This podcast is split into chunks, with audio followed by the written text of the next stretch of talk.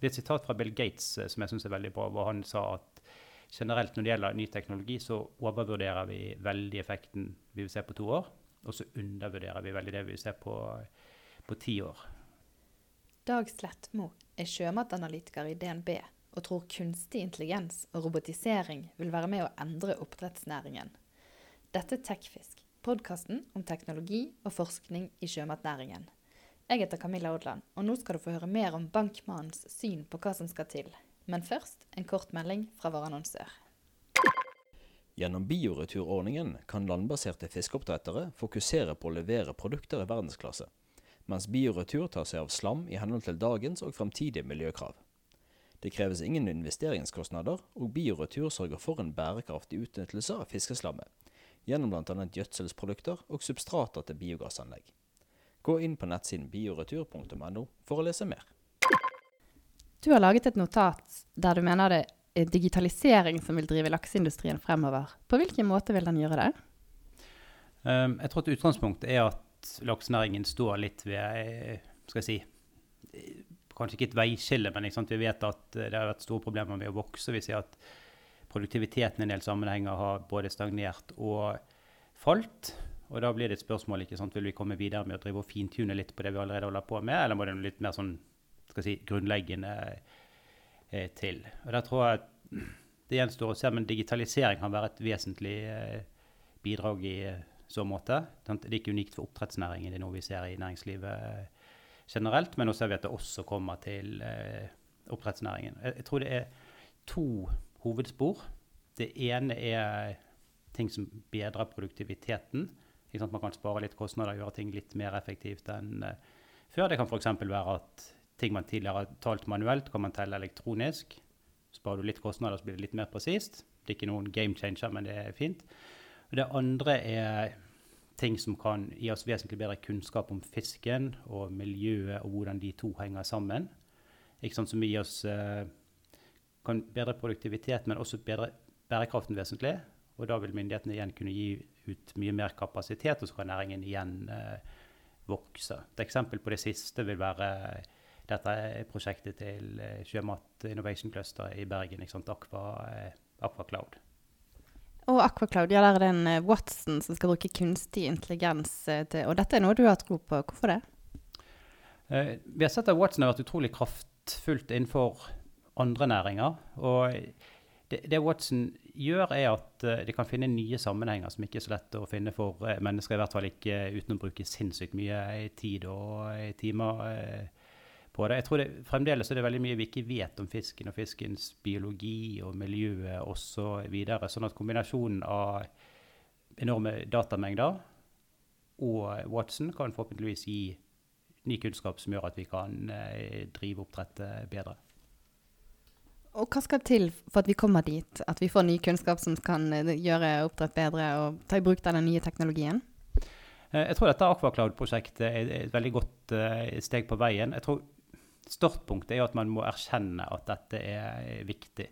Um, IBM Watson sa i en sammenheng at et problem de ofte opplever når de skal selge produktet sitt, det er at liksom deres selling proposition er at de har et produkt som gir svar på spørsmål som kunden ikke er i stand til å stille. Og det er ikke alltid så lett å, sant? Det er ikke så lett å selge sånn produkt alltid. Men der syns jeg næringen har vært veldig flink og skjønt at dette er viktig, og samlet sant, eh, krefter. Og så har man et, dette store prosjektet sitt. Og, men så tror jeg også det er viktig at man ikke sikter mot månen med en gang, men at man sikter mot et eller annet som er relativt konkret, og en litt sånn, kall det easy win, og så får man mer folk flere folk med på laget og ser at dette fungerer, og så liksom kan man etter hvert satse på å reise til månen. Og nå har vi nevnt uh, kunstig intelligens. Hvilken type ny teknologi ellers tror du det er som vil drive oppdrettsnæringen fremover? Jeg tror det, det er veldig mange ulike elementer. ikke sant? Hvis du tar Eh, se på robotisering, så skjer det mye. ikke sant? Du kan si hva er det som er spennende med robotisering. ikke sant? I eh, bilindustrien som man har hatt eh, roboter i eh, mange tiår. Eh, men det som skjer med robotisering i stor grad også er at pga. digitaliseringen så blir robotene mye mer intelligente. og Det betyr at sant, man kan filetere hver enkelt fisk unikt. Som er veldig mye vanskeligere enn å bygge en Volkswagen Passat hvor alt er helt eh, standard. Som betyr at ting som man ikke har kunnet drive med i Norge tidligere fordi lønnsnivået har vært for høyt, plutselig kan man, eh, kan man eh, lett gjøre i Norge.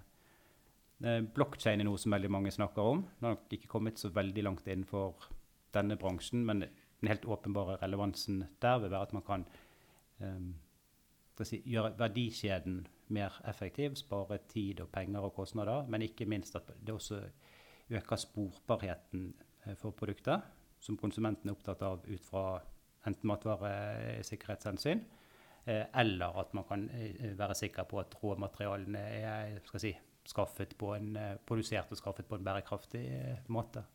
For blokkjein, da samarbeider de om store datamengder?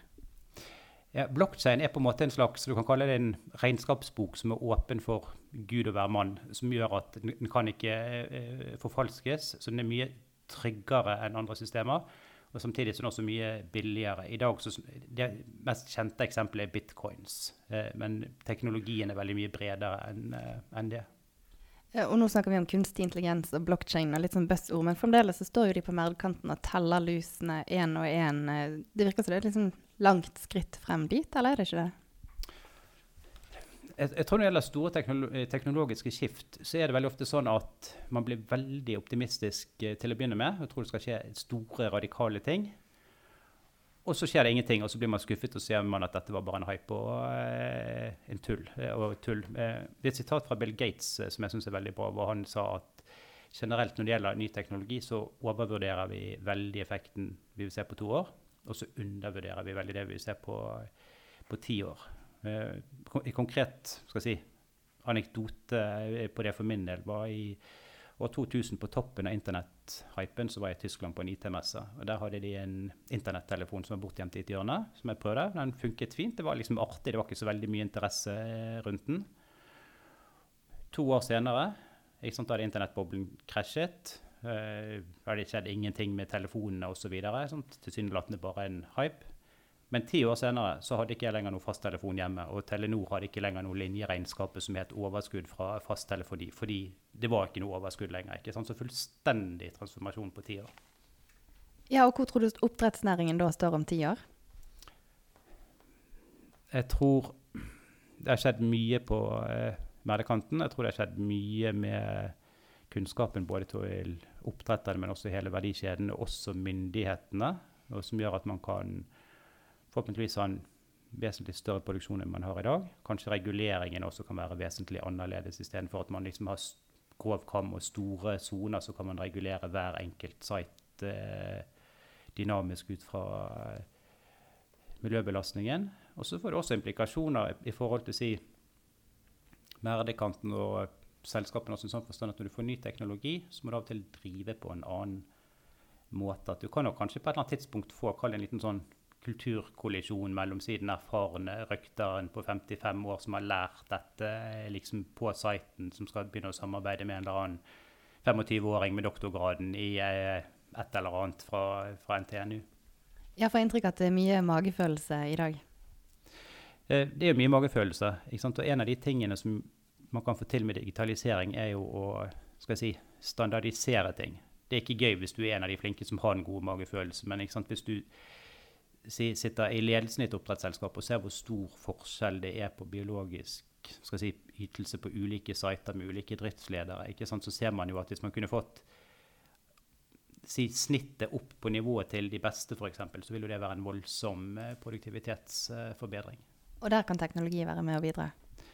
Ja, altså der har du jo sånn som f.eks. Aquabite, som prøver å eh, bruke maskinlæring til å gjøre fòringen. ikke sant? Så hvis du får noe sånt til igjen, kanskje kan du gjøre det litt bedre, kanskje kan du gjøre det litt billigere. Men det du også antagelig kan gjøre, er at da kan du ta den kunnskapen og på en måte spre den ut på en helt annen måte. ikke sant? Har du én veldig flink person på eh, merdekanten, så kan vedkommende bare være på én merde av, av gangen. ikke sant? Og det tar lang tid å lære opp nye folk osv.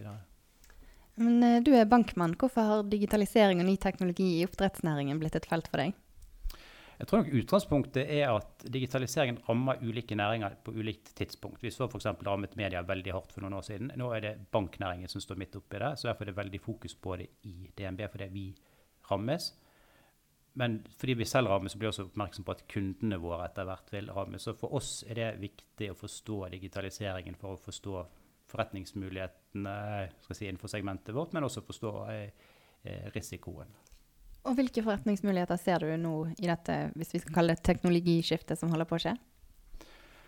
Um, hvis vi tenker litt overordnet, så er det, hvis du tenker på skal jeg si, de tradisjonelle kundene våre, så er det jo eh, et poeng om folk på en måte henger litt med i racet eller ikke. Vi tror ikke at det blir noe sånn tidevannsskille med det aller nærmeste, men det er noe som for oss er viktig å ha et uh, grep om. Hvis du tenker litt mer mulighet, uh, investeringsmuligheter og sånne ting her og nå, så skjer det jo veldig mye på oppstartsfronten. Uh. Eh, det er nok ikke noe som vi i sjømatavdelingen i DNB driver med, men sant, for skal si, venturemiljøer eh, og folk som driver med oppstartskapital, finansiering osv., så, videre, så er jo det i økende grad interessant.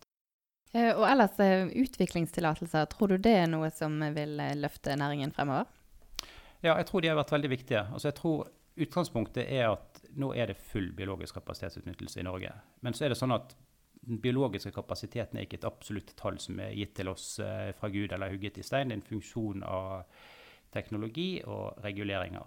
Og der syns jeg at eh, disse utviklingskonsesjonene eh, er et superbra eksempel på en regulatorisk innovasjon som så utløser masse teknologisk innovasjon. Da sier jeg takk til deg.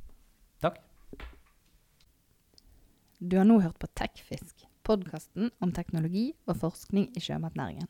Sjekk gjerne ut nettsiden vår òg, tekfisk.no.